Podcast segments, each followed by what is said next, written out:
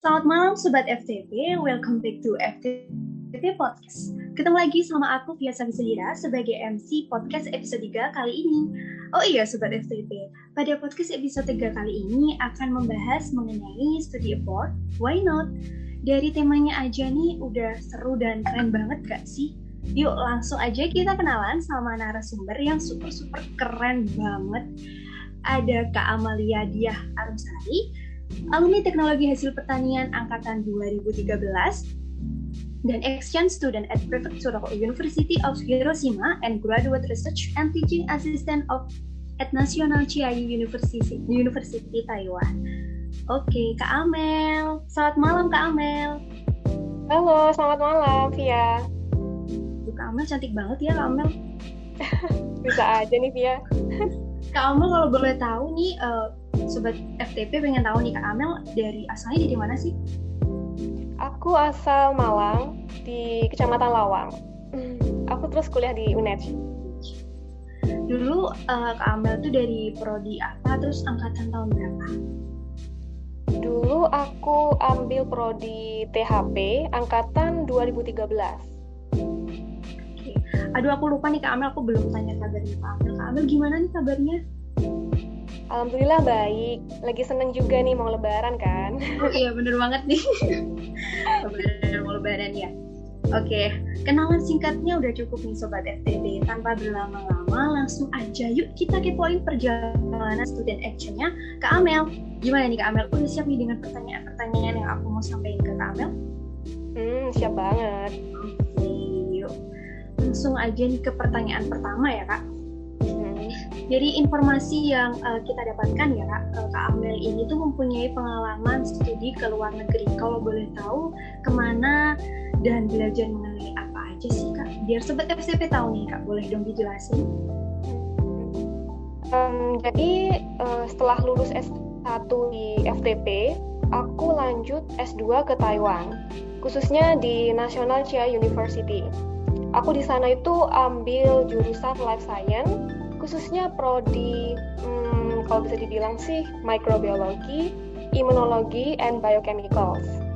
Agak jauh sih sebenarnya, tapi masih nyambung. oh, keren banget. Aku sampai tercengang. Beneran nggak? Aku kemarin lihat di pamflet uh, podcast itu ternyata narasumbernya uh keren banget. Oke okay, kak.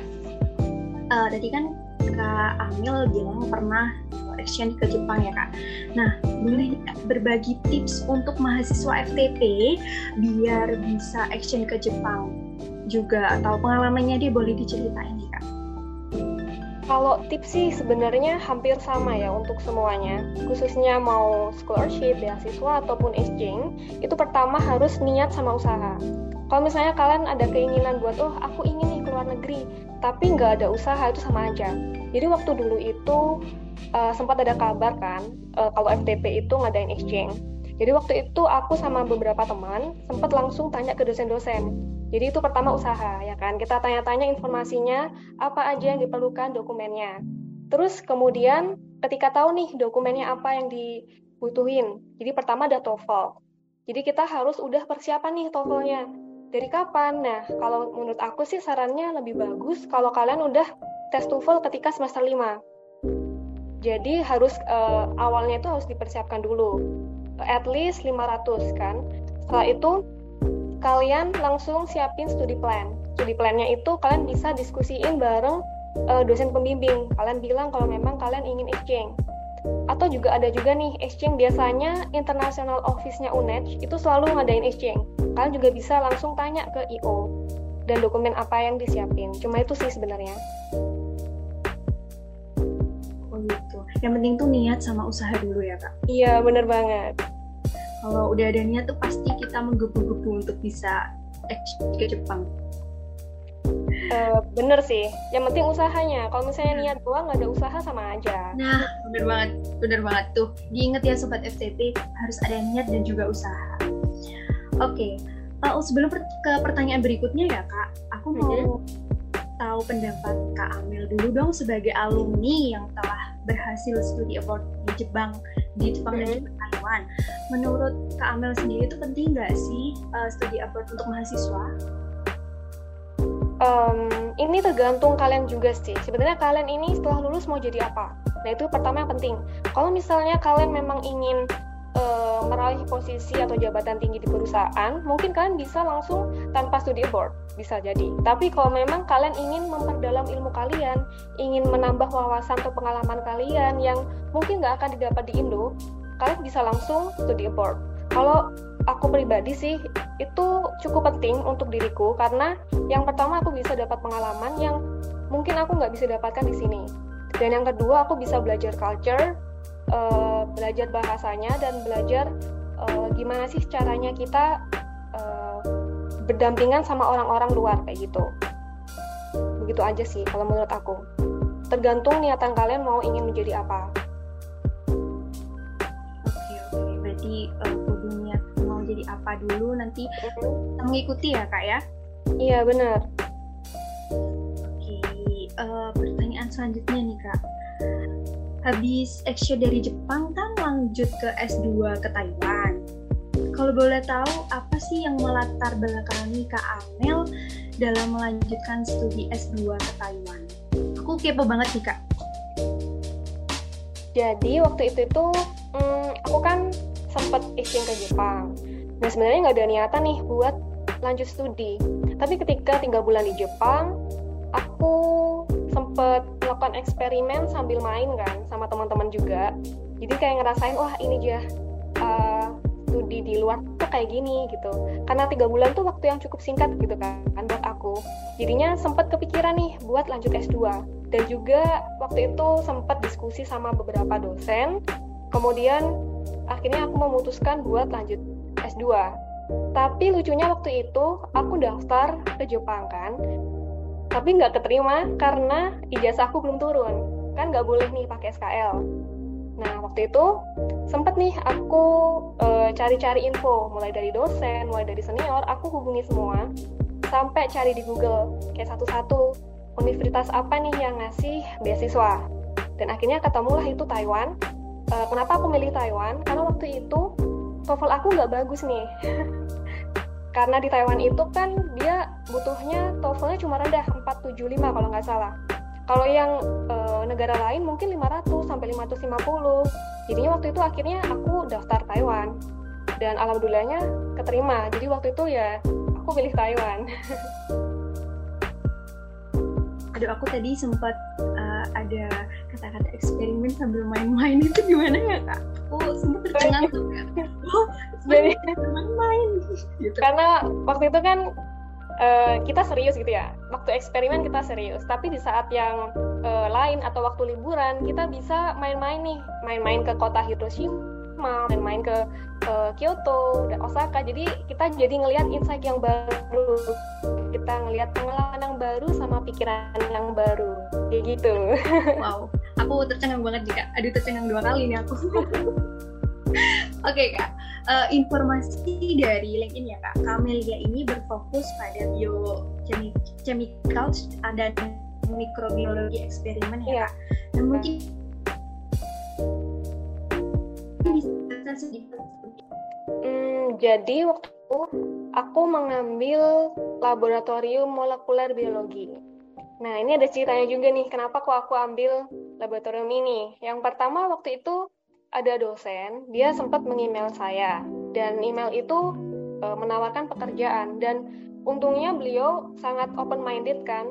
Aku kan e, lulusan THP yang mana mungkin e, ilmu mikrobiologi tidak se sedetail biologi. Tapi si dosen itu bilang e, semua orang itu bisa belajar dari nol, kayak learning by doing. Jadi akhirnya aku ambil lah itu molekuler biologi di laboratoriumnya.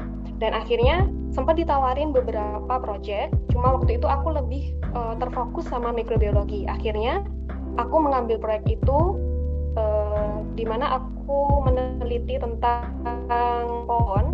Jadi ini kayak uh, gimana sih uh, sistem imun pohon itu kalau disuntikan sama mikrobiologi atau mikroba gitu ya. Apakah dia nanti senyawanya akan berubah? Jadi berhubungan sama biochemical dan mikrobiologi. Jadi seperti itu kalau aku boleh tanya kembali lagi kak mm-hmm. kayak kendala atau kesusahannya di mikrobiologi atau biokimikal itu apa ya kak? Karena aku belum tahu banget nih. Mungkin kak Amel bisa sharing-sharing gitu. Yang pertama pasti ada ya pasti kendalanya. Kita kan belajar kalau di FTP khususnya di THP itu kan mikrobiologi pangan ya kan. Agak berbeda dengan uh, mikrobiologi tumbuhan. Jadi uh, di sini aku belajar kayak uh, bagaimana cara menganalisis uh, biologi uh, mikrobiologi dari DNA-nya, dari RNA-nya juga lewat PCR. Kemudian pastinya sih karena kita kan pertama kali belajar pasti pernah salah. Jadi salah salah salah gitu kan. Tapi kita kalau misalnya lagi down, lagi salah, kita harus belajar dari kesalahan. Jadi pasti banyak banget rintangan yang dihadapi. Kemudian kalau biochemical, ya jelas ini biochemicalnya kan uh, mungkin lebih meranah ke lebaran biochemical tumbuhan. Tapi menurut aku kalau memang semuanya udah dipelajari, kita pelan-pelan mempelajari, kita ingin menyelesaikannya, uh, pasti bisa sih. Bener banget sih kak. Aku pernah, aku juga ngerasa kalau misalnya kesusahan tuh pasti kita usaha dulu deh, pasti udah bisa.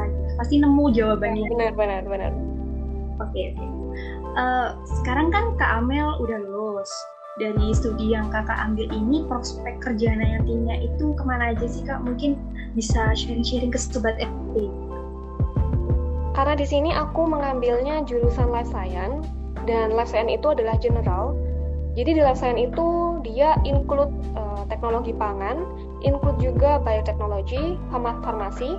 Jadi kemungkinan untuk uh, karir itu bisa meluas bisa masuk ke farmasi atau obat-obatan, kosmetik, makanan, bahkan bisa juga hmm, identifikasi seperti QC dan lain-lain. Uh, serta mungkin kalau memang kalian ingin uh, kuliah, apa maksudnya uh, kalian belajar bahasa di sana di negara tertentu kan juga bisa jadi penerjemah. Jadi luas banget untuk karirnya.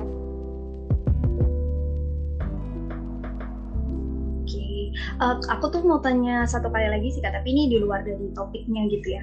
Oh, aku yeah. tuh kadang suka kepo kalau misalnya ada yang studi action gitu tuh kayak kendala bahasanya di sana itu ada sih nggak ada nggak kak menurut hmm. kamu gitu? Wah ini pasti pasti ada. Event itu di negara mana pun pasti ada namanya miskomunikasi.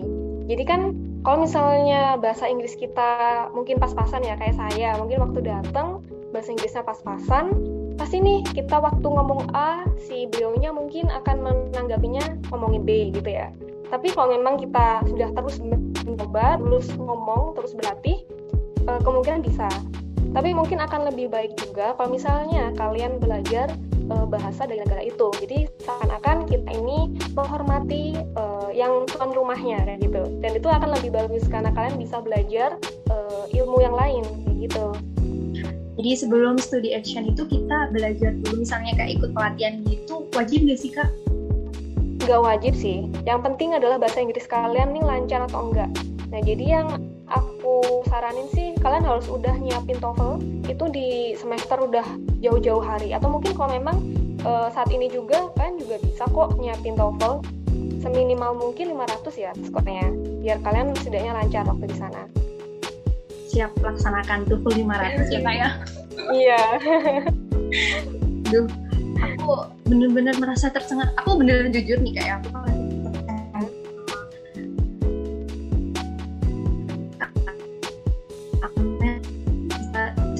Dia juga bisa kok nanti. Keren banget untuk kamu. Doain aja ya kak, semoga aja.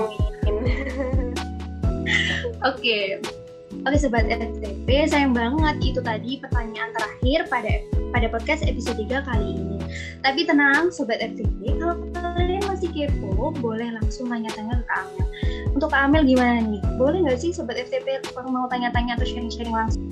Boleh banget terbuka untuk yang bertanya-tanya atau konsultasi mungkin ya boleh banyak soalnya sudah yang kayak gitu itu udah dipersilahkan sama Kak Amel ya sobat FTP jadi jangan malu-malu langsung aja tanya ke Kak Amel soal studi exchange Nah, gimana Sobat FTP? Seru banget kan podcast episode 3 kali ini karena banyak informasi dan motivasi serta inspirasi dari Kak Amel.